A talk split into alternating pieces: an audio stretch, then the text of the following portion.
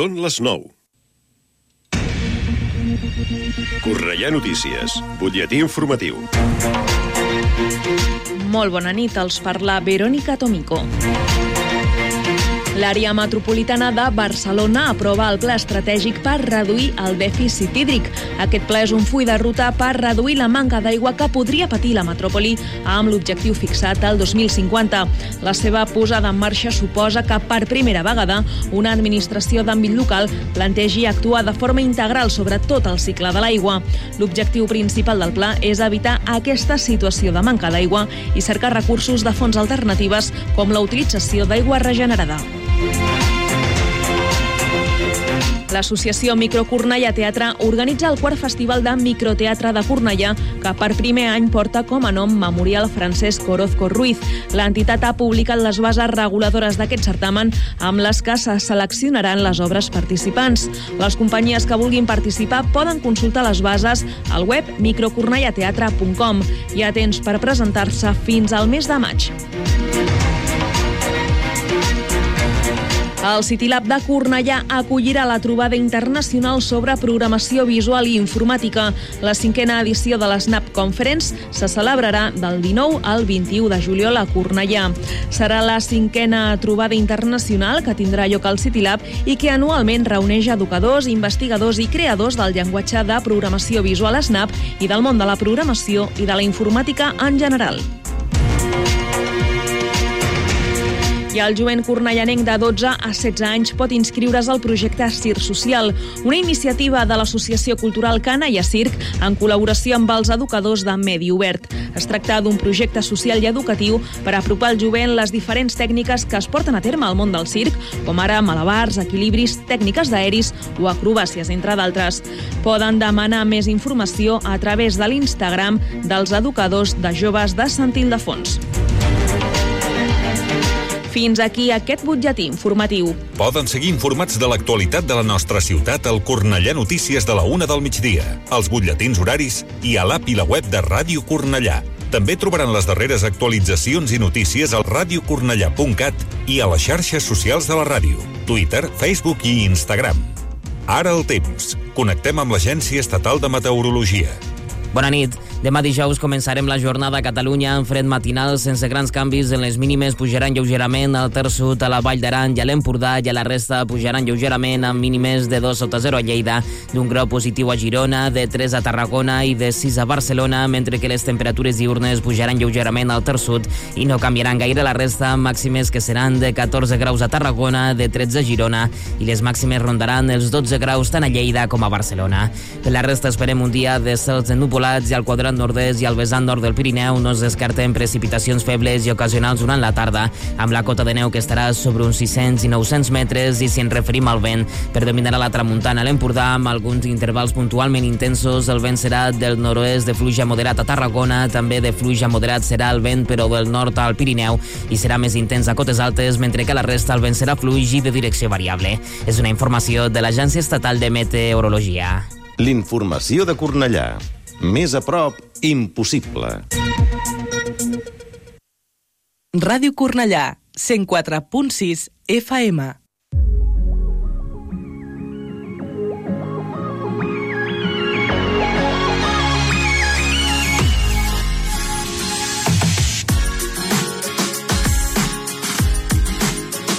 Ara comença Let's Go Creu Roja, mitja lluna roja i cristal roig, amb el patrocini de Conxeroria Montserrat.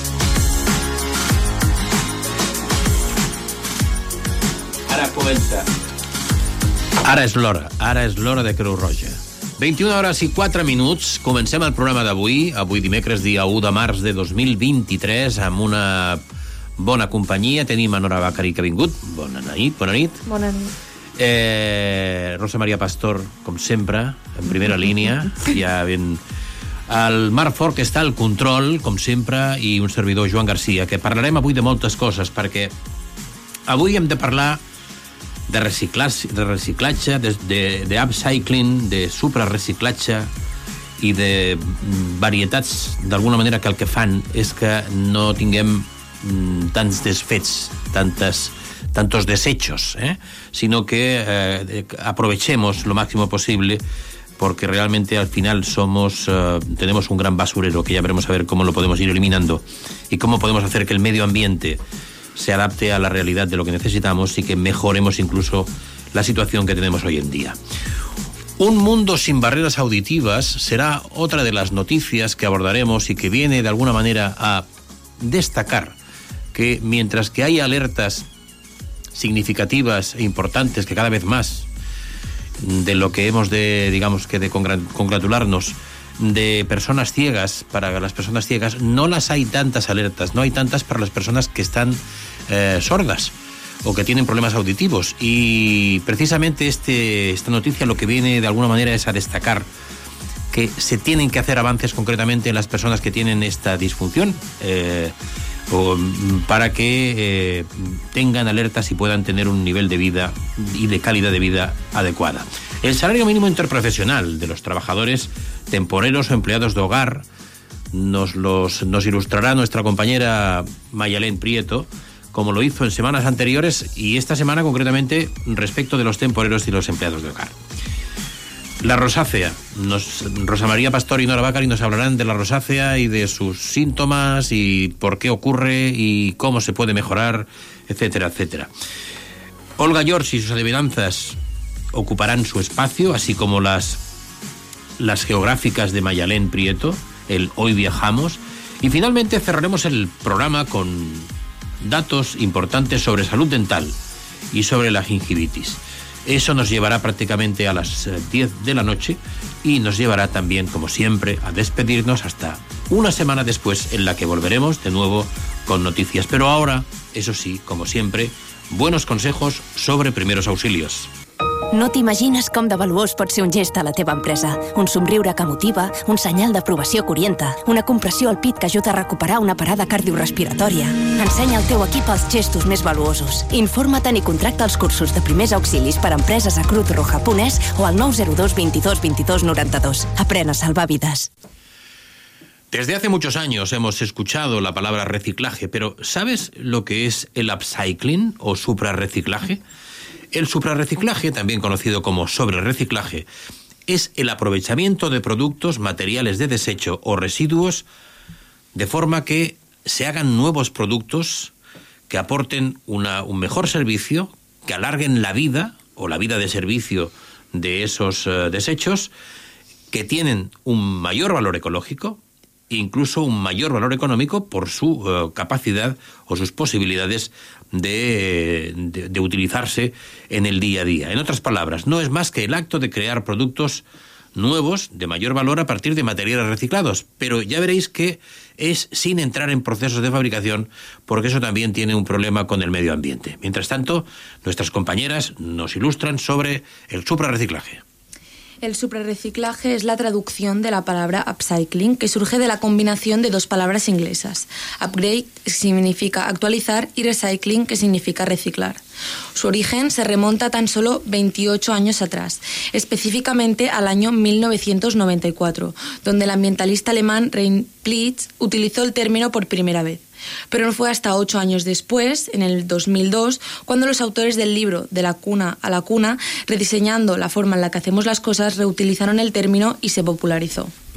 El suprarreciclaje representa una variedad de procesos mediante los cuales los productos que ya no serán utilizados para lo que fueron creados originalmente se modifican y obtienen una segunda vida a medida que se convierten en un producto nuevo, con nuevos usos, sin pasar por procesos industriales, para lograr su modificación.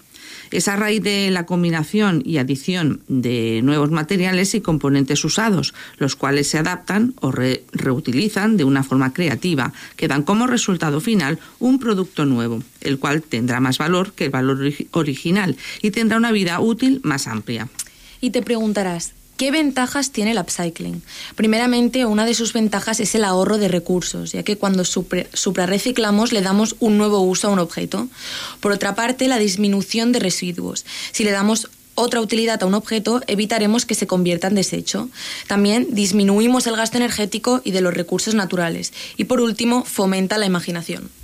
Quizás estemos pensando, pero entonces, ¿hay alguna diferencia entre el reciclaje y el upcycling? Eh, la respuesta es sí, como hemos mencionado anteriormente. Implica utilizar productos que normalmente tirarías y se le da un uso específico para evitar que se convierta en un residuo de por vida, para que este nuevo producto esté en circulación durante el mayor tiempo posible. En el caso del reciclaje, los materiales a menudo se alteran, es decir, que se derriten, descomponen o funden antes de convertirse en un producto final. Esta descomposición de materiales en un sistema de reciclaje consume mucha energía y genera emisiones que hacen que el reciclaje sea un proceso menos eficiente y sostenible que el suprarreciclaje. Y aquí debemos mencionar que en el reciclaje solo se recicla el 9% de todos los materiales que se convierten en residuo. Como conclusión, la diferencia entre el reciclaje y el, upcycling es que el reciclaje tiene que pasar por un proceso industrial para descomponerlo y reutilizarlo en el proceso de fabricación. Y el upcycling eh, o suprarreciclaje se utiliza un producto usado o partes de él para fabricar otro de mayor valor sin haber pasado por ningún proceso industrial de descomposición y mezcla con otros materiales. Echemos a volar un poco nuestra imaginación. Vasos o floreros hechos de botellas, una lámpara hecha con un rallador viejo, con una botella o incluso con un sombrero, una funda para una sombrilla con unos vaqueros viejos, o la funda de un cojín con una camiseta o jersey. ¿Qué tal una cama vintage para tu mascota con una televisión vieja? Quizás lo que más te suene son los muebles hechos con palets que se pusieron de moda hace algunos años. Pues eso, eso es el upcycling. Estamos seguros que sin saberlo has practicado el, el, upcycling y te animamos a seguirlo practicando por nuestro bien, el de nuestros hijos y por el planeta. Ansiedad, insomnio, depresión. Llamar a las cosas por su nombre es de valientes. Pedir ayuda, si lo necesitas, también. Cruz Roja te escucha. Llámanos 900 107 917.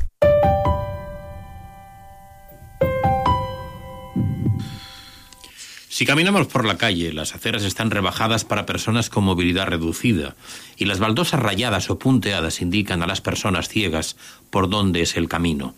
Sin embargo, en el mundo de hoy hay el doble de personas sordas que ciegas, pero las ciudades no están adaptadas a su discapacidad auditiva. Visual consciente de esta problemática, ha diseñado un sistema para traducir los sonidos en otro tipo de señales reconocibles por las personas sordas para adaptar la ciudad a sus necesidades. Así, con notificaciones con push en el móvil, en una pulsera inteligente o mediante la iluminación, pretende avisar a las personas con discapacidad auditiva de peligros o incluso el aviso de cierre de un servicio a través de un potente hub principal que escucha todo su alrededor y procesa el sonido sin necesidad de conexión a la red, se identifican alertas, sirenas e incluso el llanto de un bebé, ya que el sistema se puede configurar específicamente para cada persona que lo usa. Las señales se convierten en una notificación, por ejemplo, que se muestra en la pantalla del móvil, en el reloj inteligente o que cambian o hacen parpadear las luces de la habitación, de tal manera que la persona sorda recibe toda la información de lo que ocurre en su entorno. Cuenta Manel Alcaide, director de VisualFi, el caso de una usuaria que les agradeció que el sistema le avisara de que su hija lloraba mientras su anterior sistema no emitía ningún tipo de señal y mostró su tristeza y preocupación por todas esas veces en las que no pudo haber ocurrido lo mismo. Y como madre no acudió, no acudió a ver qué le ocurría a su pequeña. Llevado a gran escala, estaciones del metro como la del Sol en Madrid cambiarían su iluminación e incluso podrían mostrar mensajes en dispositivos personales para avisar, no solo de los peligros, sino también de los retrasos o cualquier información de utilidad. En un museo o en una biblioteca, este sistema también permitiría a las personas sordas saber que se ha avisado del próximo cierre de la instalación, habitualmente anunciado por megafonía, a veces a través de, de sistemas alternativos. A su funcionalidad principal también se le añaden otras como adaptaciones en lengua de signos o instalación de bucles magnéticos, la recepción de información de interés de lugares adaptados al sistema si se desea, o la transcripción en tiempo real de la voz en texto en cualquier dispositivo móvil y en más de 100 idiomas. Este reconocimiento de voz también puede pasar a, textos, a texto los mensajes de megafonía. Visual 5 ha sido reconocida como empresa B Corp y es que además de tener personas sordas trabajando en su plantilla, lo que les da ventaja para perfeccionar el sistema, también trabaja los datos con la máxima protección legal, asegurando así que el sonido grabado en todo momento es inaccesible para cualquier hacker de la red, ya que se procesa el audio en el propio dispositivo, sin salir a Internet y además es eliminado una vez ha sido reconocido. Para Manel Alcaide lo más difícil es trabajar con un impacto social real. Aquí estamos por convicción, no por obligación. Y es que sus metas están más vinculadas a los resultados en el usuario que a los económicos, algo difícil de entender en el mundo empresarial. Hoy en día las tecnologías se adaptan a comandos por voz, pero ¿Quién se acuerda de las personas sordas? Por suerte, entidades como Cruz Roja lo hacen y no solo revisan y apuestan por la inclusión, sino que nos premian a nosotros por hacer que la tecnología solucione los problemas de las personas. La séptima edición de los Premios de Tecnología Humanitaria de Cruz Roja reconoce a diversas iniciativas que transforman el mundo. En Mobile World Congress de Barcelona, el próximo 2 de marzo se entrega la premiación a VisualFi, reconocido en la categoría Impacto. Además de ello, se premiará a otras iniciativas como Ayum, que permite dejar pagado productos a personas sin hogar en comercios. Pagar un café a en un bar, por ejemplo, y Solfireno Academy, dedicado a ayudar instituciones públicas y privadas a encontrar voluntarios dispuestos a contribuir con el cambio del mundo. Va ser per meva i ara és tan llunyana Però prohibir-me recordar-te sempre és impossible És impossible No m'ho perdono, tu passes de mi ja va expirar tot el que ahir sentia. Ser dictador, no deixar-te marxar, hauria d'haver estat un pacte d'entrada. Quatre anys sense mirar-te, tres postals i aquell bolero. Dos mesos i m'oblidaves, ni tan sols t'assabentaves del 29 de febrer. Sento rumors de tu que diuen que el vent que escoltes. El mateix que mai va fer falta per aixecar la faldilla quan a tu et convenia. Com t'atreveixes a tornar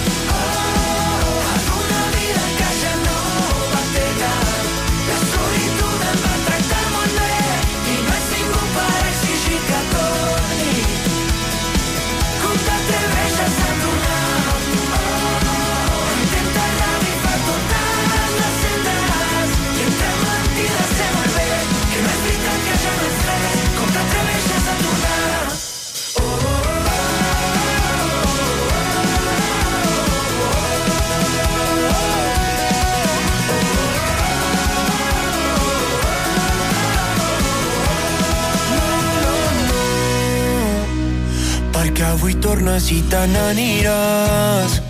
Tantes mentides que al final confonen. Mai vaig ser bo per poder distingir. Per molt que ho negui sempre me les menjo. Quatre vides em signaves. Tres t'odio i un t'estimo. Dos consells jo vull donar-te.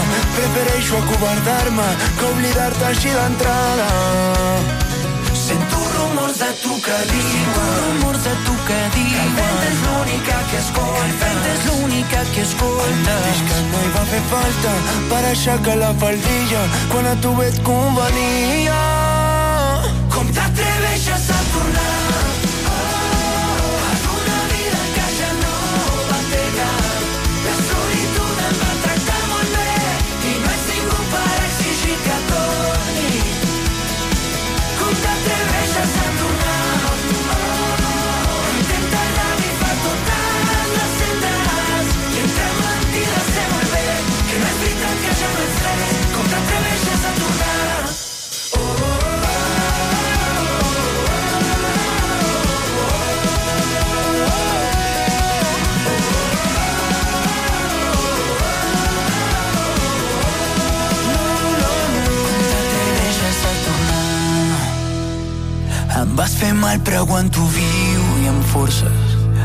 jo em vaig acostumar a patir avui el meu cor batega sense ritme no!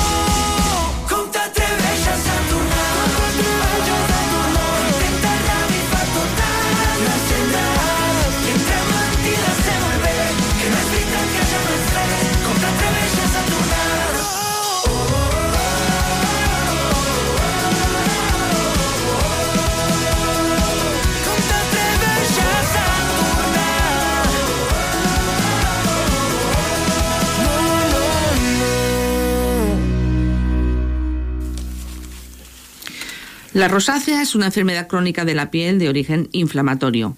Se manifiesta con signos como rubor o enrojecimiento y vasos visibles.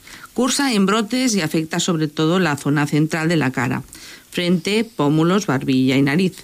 Resulta más frecuente en mujeres que en hombres, siendo en estos generalmente más grave. Suelen aparecer entre los 30 y los 60 años de edad y es más común en las pieles más claras y delicadas. Los síntomas habituales de la rosácea son el enrojecimiento facial, en un principio ocasional, pero que va haciéndose cada vez más habitual. Los granitos o lesiones muy parecidos a los del acné, pápulas y pústulas, eh, ardor en la zona afectada, picor, edema y en los casos de mayor gravedad puede producirse un agrandamiento de las glándulas sebáceas, sobre todo en la nariz, dándole un aspecto abultado.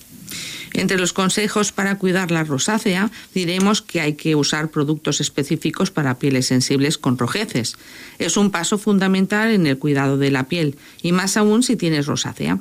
Deberás usar productos de limpieza específicos eh, que limpien suavemente sin causar irritación y preferiblemente sin aclarado como un agua micelar. Otro consejo es evitar el agua muy caliente, ya sea a la hora de limpiar el rostro, en la ducha o a la hora del baño. Si usas un producto que necesita aclarado, hazlo con agua tibia y sécala a toquecitos suaves. No utilices exfoliantes, eh, sobre todo los mecánicos ni peelings eh, químicos. Los productos exfoliantes no están recomendados en tu piel tan fina y reactiva. Utiliza cremas muy hidratantes que prevengan la irritación, la irritación, el picor y el ardor que puede provocar la rosácea y que ayuden a mantener la piel en mejor estado para que pueda defenderse mejor de los agentes externos irritantes. Para maquillarte, utiliza productos con color tipo BB cream. Debe ser específicos para pieles con rojeces, cuperosis o rosácea. Son ideales porque combinan protector solar, crema hidratante y pigmentos de color para disimular las rojeces. Utiliza protección solar a diario. Los rayos del sol agravan, desencadenan y empeoran los síntomas de la rosácea. Por eso resulta necesario evitar en el mayor grado posible la exposición al sol y usar crema de protección solar a diario, incluso en invierno y los días nublados. Llevar una dieta sana, rica en vitaminas. Para cuidar la rosácea debes seguir una dieta alta en vitaminas C y D, especialmente con mucha fruta y verdura. Finalmente, la ansiedad y el estrés y los hábitos tóxicos como alcohol y tabaco están contraindicados en caso de rosácea.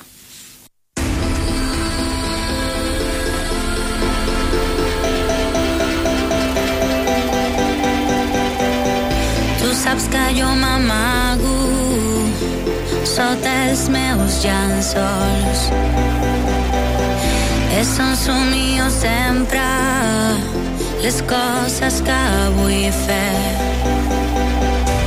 Va robar millor de mi, però no em pensaràs així. Penses que no queda ja res de bo. De tu l'on vas destrossar, però jo sóc més fort que tu. I tu t'equivoques, no em coneixes. El que no et mata et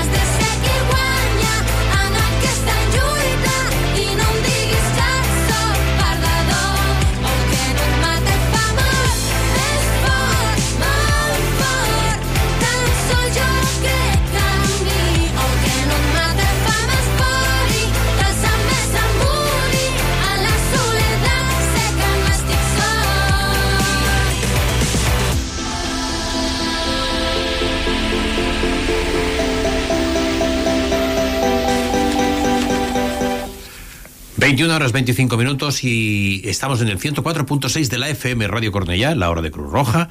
Y decíamos al inicio del programa que hoy vamos a hablar de una segunda parte para completar una información respecto del salario mínimo interprofesional. Y para ello está nuestra compañera Mayalén Prieto, que nos ilustra.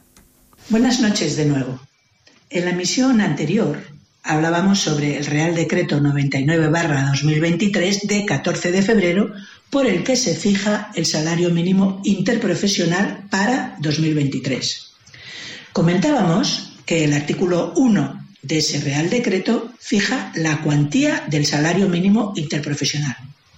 Hoy haremos una pequeña recapitulación de lo expresado el día anterior y añadiremos algún aspecto que nos parece de interés a nivel general.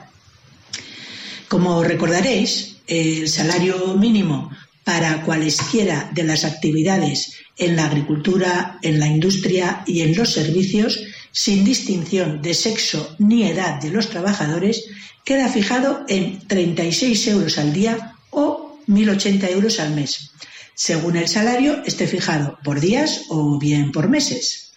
En el salario mínimo se computa únicamente la retribución en dinero, sin que el salario en especie pueda en ningún caso dar lugar a la minoración de la cuantía íntegra en dinero de aquel. Este salario se entiende referido a la jornada legal de trabajo en cada actividad, sin incluir, en el caso del salario diario, la parte proporcional de los domingos y festivos. Si se realizase jornada inferior, se percibirá a prorrata. El otro día os explicábamos también el concepto de prorrata. Hecho este pequeño recordatorio, hoy nos remitiremos al artículo 4 del Real Decreto que hace referencia a las personas trabajadoras eventuales, temporeros y temporeras, y empleadas y empleados de hogar, y que consideramos que es importante que se conozca su situación. Pues bien, las personas trabajadoras eventuales, así como las temporeras y temporeros cuyos servicios a una misma empresa no excedan de 120 días, percibirán conjuntamente con el salario mínimo a que se refiere el artículo 1 del decreto la parte proporcional de la retribución de los domingos y festivos, así como de las gratificaciones extraordinarias a que, como mínimo, tiene derecho toda persona trabajadora, correspondientes al salario de 30 días en cada una de ellas, sin que la cuantía del salario profesional pueda resultar inferior a 51,15 euros por jornada legal en la actividad. En lo que respecta a la retribución de las vacaciones, las personas trabajadoras a que se refiere este artículo percibirán, conjuntamente con el salario mínimo interprofesional fijado en el artículo 1, la parte proporcional de este correspondiente a las vacaciones legales mínimas en los supuestos en que no existiera coincidencia entre el periodo de disfrute de las vacaciones y el tiempo de vigencia del contrato. En los demás casos, la retribución del periodo de vacaciones se efectuará de acuerdo con el artículo 38 del Estatuto de los Trabajadores y demás normas de aplicación. De acuerdo con el artículo 8.5 del Real Decreto 1620-2011 de 14 de noviembre, por el que se regula la relación laboral de carácter especial del servicio del hogar familiar, que toma como referencia para la determinación del salario mínimo de las empleadas y empleados de hogar que trabajen por horas en régimen externo el fijado para las personas trabajadoras eventuales y temporeras y que incluye todos los conceptos retributivos. El salario mínimo de dichas empleadas y empleados de hogar será de 8,45 euros por hora efectivamente trabajada. O sea, el mínimo 8,45 euros por hora efectivamente trabajada. En las cuantías del salario mínimo por días u horas fijadas en los apartados anteriores se computa únicamente la retribución en dinero, sin que el salario en especie pueda en ningún caso dar lugar a la minoración de la cuantía íntegra en dinero de aquellas, aspecto que también hace mención el artículo 1 del Real Decreto, que anteriormente hemos comentado. ¿Qué significa el salario en especie? El salario en especie significa, por poner algún ejemplo, la subvención de transporte o la tarjeta de alimentos que pueden dar determinadas empresas, entre otros aspectos. Estas aportaciones extras en ningún caso pueden aminorar la cuantía íntegra de la retribución en dinero. Volvemos a recordar el Real Decreto por si algún oyente pueda estar interesado en estudiar detenidamente los diferentes artículos del mismo y de esta manera conocer todo su contenido. Volvemos a mencionar el decreto. Real Decreto 99 2023 de 14 de febrero, donde podéis consultar todos los aspectos que puedan ser de vuestro interés.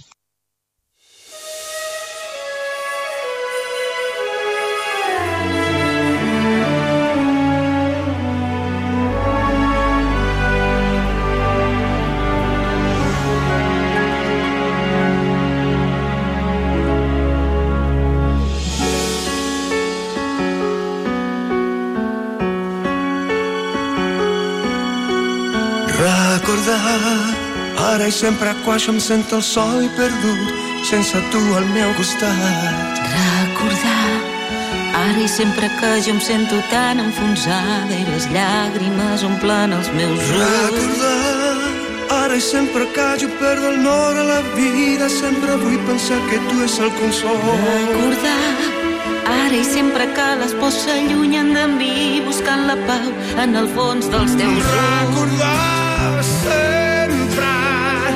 sempre que jo em senti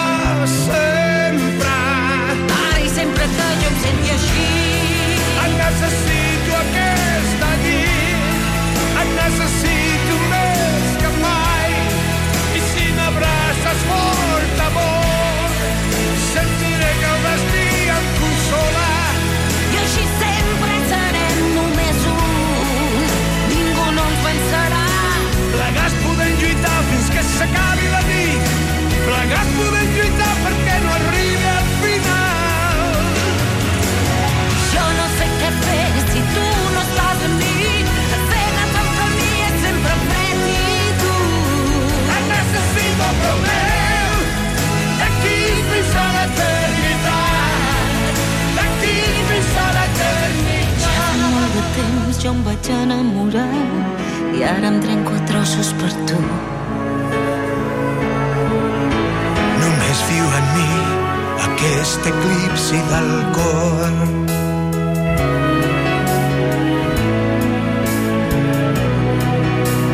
Ja fa molt de temps una llum als teus ulls que ara s'ha apagat era pau. Només viu en mi aquest eclipsi del cor.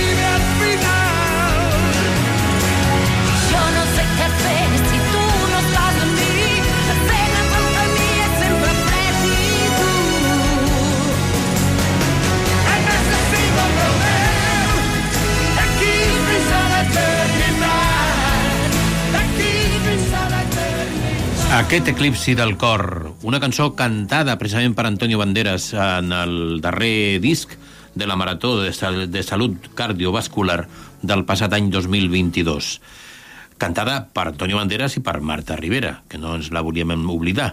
Eh, com sabeu, cada, cada setmana nosaltres tenim una endivinalla i tenim la nostra artista especial de les endivinalles, es diu Olga Giorgi, que és la col·laboradora del programa. I aquesta era l'endivinalla que proposava la setmana passada. Es vida para la pla- las plantas, es gozo para la boca, y cuando baja del cielo moja todo lo que toca. Moja todo lo que toca cuando baja del cielo y era evidente que era el agua. ¿eh? Pero nosotros tenemos siempre, cada semana, una adivinanza especial y la de hoy no es nada sencilla. Es bastante complicada. Poner atención.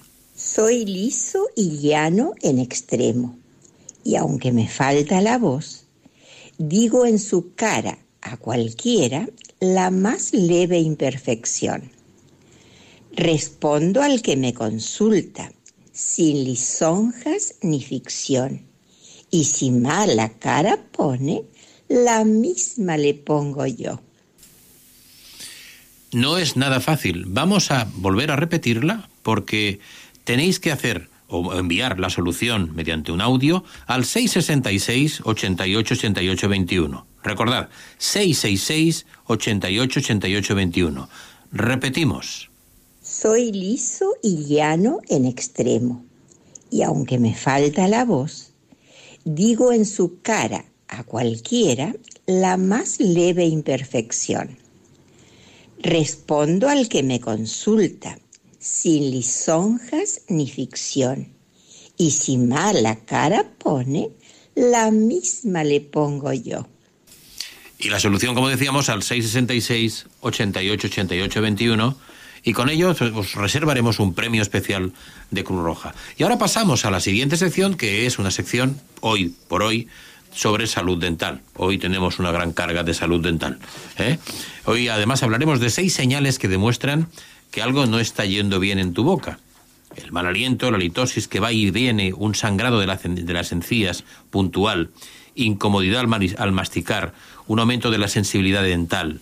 Nuestra boca y nuestra salud dental están llenos de testigos de aviso que nos alertan de que algo no está yendo bien en nuestra cavidad bucal y hacer oídos sordos de ello puede tener consecuencias muy perjudiciales. Perder piezas, más allá de dificultar la masticación, supone una complicación añadida para factores tan aparentemente nimios como hablar o incluso garantizar la sujeción de ciertas zonas de la cara. Sin embargo, la pérdida dental es quizá el último de los escenarios que nos planteamos, siendo la última complicación y más grave de una mala salud dental, pero no es la única. Con la ventaja de que cada vez es más frecuente encontrar implantología asequible o prótesis de más calidad, arriesgarse de igual modo a prescindir de nuestras piezas originales nunca es una buena idea. Aún así, como decimos, la pérdida de piezas es el último escenario, habiendo muchas otras señales que nuestra boca manda para indicar que algo no está yendo bien. Sin embargo, nuestra salud dental y nuestra salud oral no depende solo de los dientes, sino también de las encías o la lengua, fundamentales para que todo esté en orden. Quizás se le dé demasiada importancia, pero puede que justificada, a las lesiones dentales, pero enfermedades como la gingivitis o la periodontitis relativas a las encías pueden ser parte de esos avisos que conviene atajar a tiempo. Algunas de las señales de alerta de que algo no va bien en nuestra boca son, en primer lugar, un sangrado recurrente, pues un sangrado gingival tras el cepillado de dientes nunca es buena señal. Aunque hayáis podido oír que un poco de sangre tras lavarse los dientes es habitual y que incluso podría tener ciertas virtudes, pues ayuda a regenerar la sangre de las encías. Nada más lejos de la realidad, pues nuestras encías ya tienen un flujo de sangre habitual que permite que ésta se vaya oxigenando. A veces ese sangrado de encías solo obedece a razones vinculadas a un cepillado demasiado agresivo e intenso, aplicando mucha fuerza o con un cepillo de cerdas especialmente duras que pueden lastimar la superficie gingival. En ese caso, lo conveniente es ser menos brusco o sustituir el cepillo, pero no es la primera causa de sangrado. Por el contrario, lo que sí es recurrente es que nuestras encías sangren por la acumulación de placa bacteriana en la línea gingival, que es lo que llamamos gingivitis o encías inflamadas.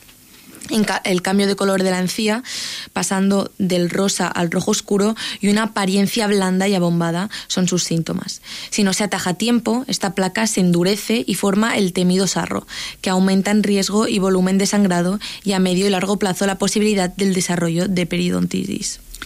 Salvo que nuestra dieta esté plagada de elementos que causan mal aliento como el café, el alcohol, el ajo, la cebolla, nuestra boca no debería ser un perpetuo foco de malos olores.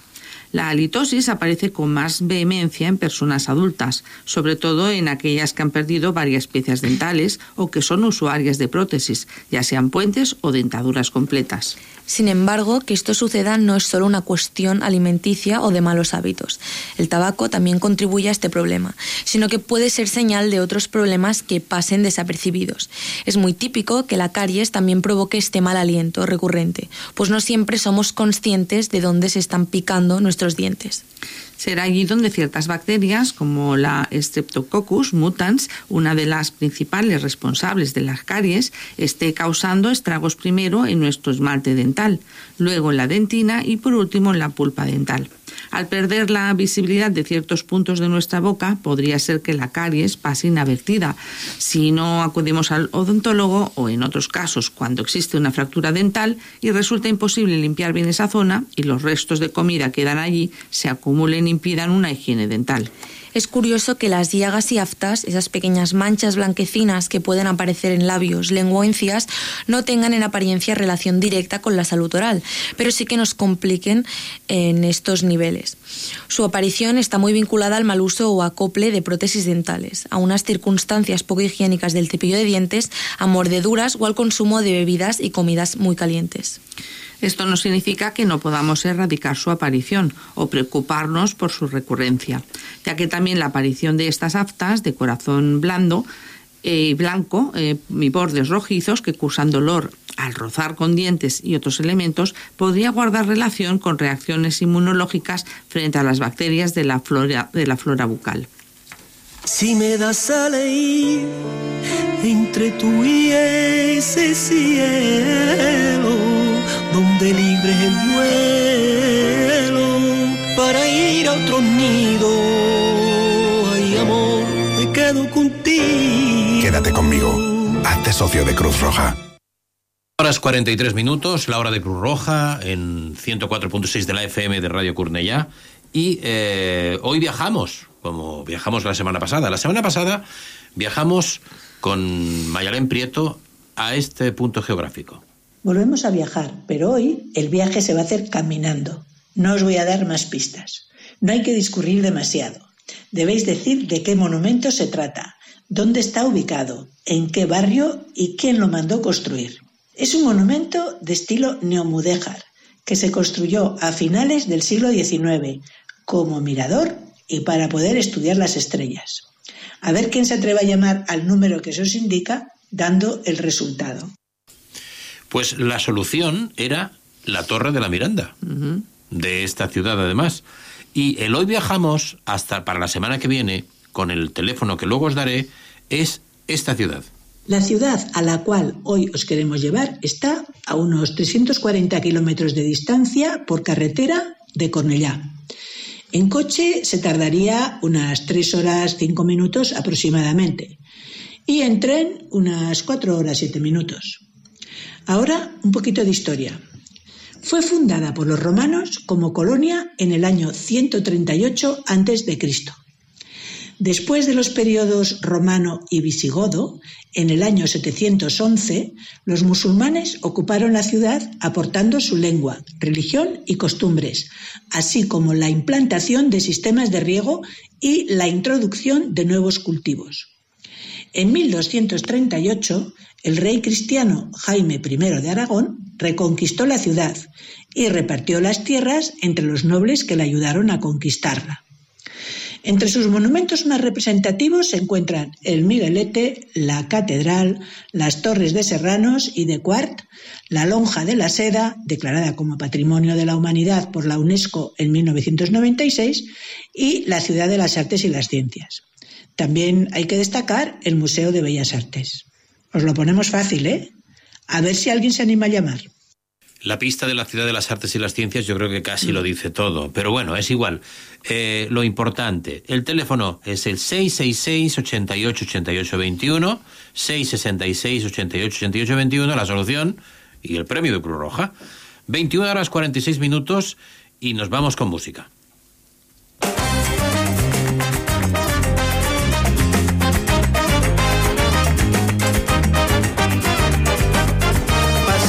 La tempesta, acaba sortint el sol. Passada la foscor, ens il·lumina un nou amor. Passat un terratrèmol que commou l'interior i un paisatge nou ens descobreix la passió. Passada la sequera i la tortura de la set, aquest ressec hermot es converteix en un verger.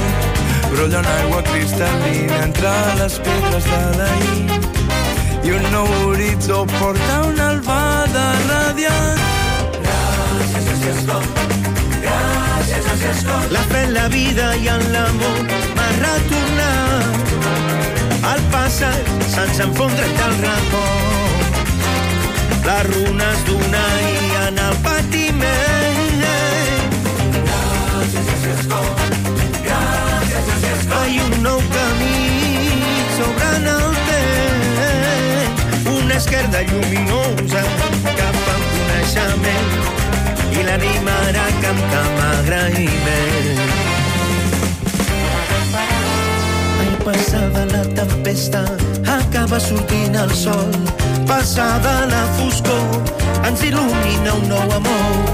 Passat un terratrèmol que comou l'interior, un paisatge nou ens descobreix la passió.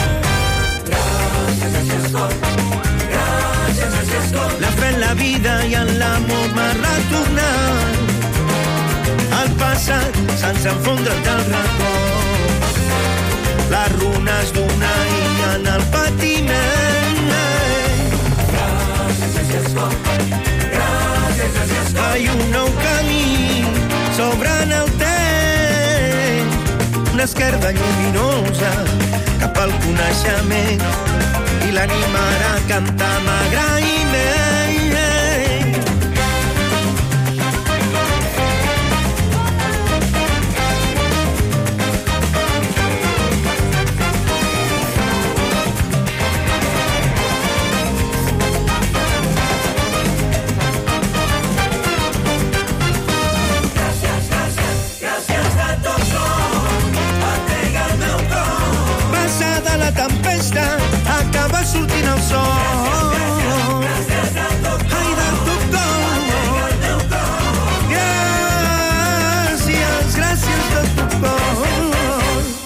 Gràcies, cor. Thank you, arigato. Encenga el ventilador, llarga vida al gato. No se navego bé, l'envia el vent. A contracorrent buscant... 21 horas 49 minutos. La semana, esta semana incluso ya creo que empieza o ha empezado y la semana que viene será un, una- hay una gran cantidad de actos que todos van en celebración al Día de la Mujer, de la Dona, al Día de la Dona, Sí. que és el dia 8 de març, no? Sí, exacto. I eh, llavors eh, una notícia important que la nostra companya Olga Giorgi nos eh, quiere informar para el próximo día 14. El martes 14 de marzo, de 10 y media a las 13 horas, la Cruz Roja invita a todas las personas a visitar y participar en la biblioteca Marta Mata de unas actividades lúdicas. La actividad se llama La Casa del Feminismo y con eso conmemoraremos el Día Internacional de las Donas. Los esperamos. La Casa del Feminismo el próximo día 14, que volveremos también a repetirlo en la semana próxima, pero no debéis de olvidarlo en la mm, Biblioteca Marta Mata. Próximo día 14. Hay más actos, además, creo que recordar que el día 16 hay una gran gala en el auditorio, en el cual también eh, tiene mucha relación con el Día Internacional de la Dona, como decía Olga Giorgi. Pero bueno, nosotros seguimos, tenemos muy poco tiempo ya en, el, en el nuestro programa del día de hoy, en la hora que tenemos prevista, la hora de Cruz Roja, y decíamos al principio que hablábamos de salud dental y después de haber hablado del, del problema de la salud dental, también hemos de hablar de la gingivitis, porque así comienza una enfermedad dental que puede acabar en pérdida de los dientes. No todas las gingivitis acaban en pérdida de dientes, pero evitarlo es fácil y está en nuestra mano y en nuestra higiene dental. Es muy habitual que prestemos poca atención a la salud de nuestras encías, en detrimento de la salud puramente dental, donde resulta muy evidente en ocasiones que nuestros dientes están sufriendo más de la cuenta. Caries, oscurecimiento de piezas, roturas. Los signos de deterioro que nuestros dientes muestran son relativamente fáciles de interpretar, pero no siempre pasa lo mismo con nuestras encías. Y ahí es donde surge la gingivitis, una enfermedad más común de, de lo que parece. Clínicamente, la gingivitis es simplemente una inflamación de las encías. Hasta aquí nada que no podamos notar de una forma más o menos directa, viendo que su color oscurece cuando pasa de un rosa chicle a un rojo más oscuro o cuando de repente notamos que nuestras encías empiezan a sangrar de forma reiterada por actos tan cotidianos como lavarse los dientes o incluso la propia masticación. Estos signos que nuestras encías empiezan a mandar, auténticas señales de aviso de que algo está yendo mal, también se vinculan a la presencia de halitosis o mal aliento, a un incremento notable de la sensibilidad dental, tanto con elementos fríos como elementos calientes, además de con productos azucarados, y por supuesto con una incipiente retracción gingival. Quizá al principio no le demos suficiente importancia porque no es tan habitual fijarnos en la salud de nuestras encías. causada por la acumulación de placa bacteriana alrededor del diente cuando las bacterias y los residuos que están presentes en los alimentos acaban acumulándose en el borde de estos y en el comienzo de la encía pueden acabar desembocando en el temido sarro. Es en ese momento cuando se endurecen y pueden llegar incluso a estar por debajo de la encía. Eso es en el momento en el que se produce la infección que precede a la gingivitis. Debido a esta infección, luego empiezan a generarse otros problemas si no se activan a tiempo. Podemos incluso notar dolor en la masticación, dientes que incluso se mueven y llegando a un extremo en que vemos tanta retracción de las encías que tenemos la sensación de que los dientes son más largos de lo habitual. Cuando esto sucede vemos una línea que marca- marcaba la frontera entre nuestros dientes y encías. Y ahora veamos más parte descubierta de lo que era antiguamente. La sintomatología anteriormente mencionada ya nos pone sobre alerta de lo que una gingivitis puede provocar en nuestra boca. Por suerte, combatir una gingivitis o prevenir que aparezca es más fácil de lo que parece, a través de una buena higiene dental que incluya cepillado, utilización de colutorios, utilización de seda dental y revisiones periódicas de los dientes al menos una vez al año. Eso siempre en el caso de que no tengamos patologías previas que puedan adelantar la aparición de la gingivitis. Se estima que a partir de los 30 años se sufre un mayor riesgo de sufrir esta enfermedad, pero también sucede con las personas diabéticas, con aquellos que son fumadores, con ciertos cambios hormonales en las mujeres, sobre todo a partir de la menopausia, y de otros efectos como los que generan el estrés, la falta de vitamina C. El famoso escorbuto de los marineros afectaba de gran manera a las encías, una mala alimentación y tener los dientes muy juntos, razón porque es evidente y útil que incluso en personas adultas se recurra a la ortodoncia para corregir una mala posición dental. La gingivitis es por tanto una enfermedad común, pero fácilmente atacable. El problema es que cuando no se ataja y vamos al dentista demasiado tarde, es posible que ya lleguemos con el desarrollo de lo que se conoce como piorrea o periodontitis, que es la complicación de esta enfermedad y que es la responsable de que las piezas dentales se puedan llegar a mover, incluso a caer. En casos muy extremos, esto podría suponer incluso la pérdida total de la dentadura. Hablamos, como es lógico, de situaciones muy finales y graves que podríamos atajar con bastante antelación. En cualquier caso, hay que prestar atención a ciertas señales que nuestras encías van a empezar a mandar de forma recurrente, como por ejemplo el sangramiento, el enrojecimiento, también el aumento de volumen o inflamación o la sensibilidad. Si aún así hiciéramos caso omiso de todas esas advertencias que la boca está mandando, podríamos llegar a los extremos de la caída de piezas dentales, acumulación de pus y abscesos esos en las encías, que corren el riesgo de extenderse hacia los huesos maxilares. Es en ese momento cuando además ya arriesgamos incluso a la propia osamenta por una gingivitis, un mal tan absurdo y tan aparentemente sencillo que podríamos evitar con una buena higiene dental. Incluso llegando tarde ya con una gingivitis presente en nuestra boca, un tratamiento con antibiótico y una limpieza dental en profundidad, donde se incluye el raspado alisado de la raíz, podríamos acabar con la gingivitis. En conclusión, la gingivitis se puede prevenir con una buena higiene dental o, llegado al caso, con tratamiento.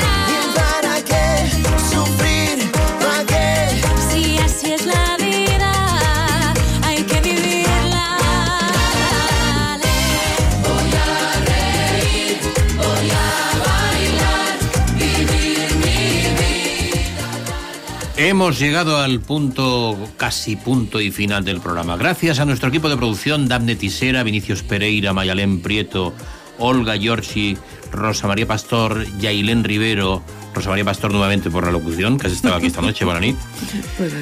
Nora Bacari, muchas gracias por estar aquí con nosotros. gracias. Marfor, por haber estado en el programa de hoy, 1 de marzo de 2023. La hora de Cruz Roja llega a su punto y final, pero con buena música. Hasta la semana que viene. Gracias. Para entender el destino. Voy a escuchar en silencio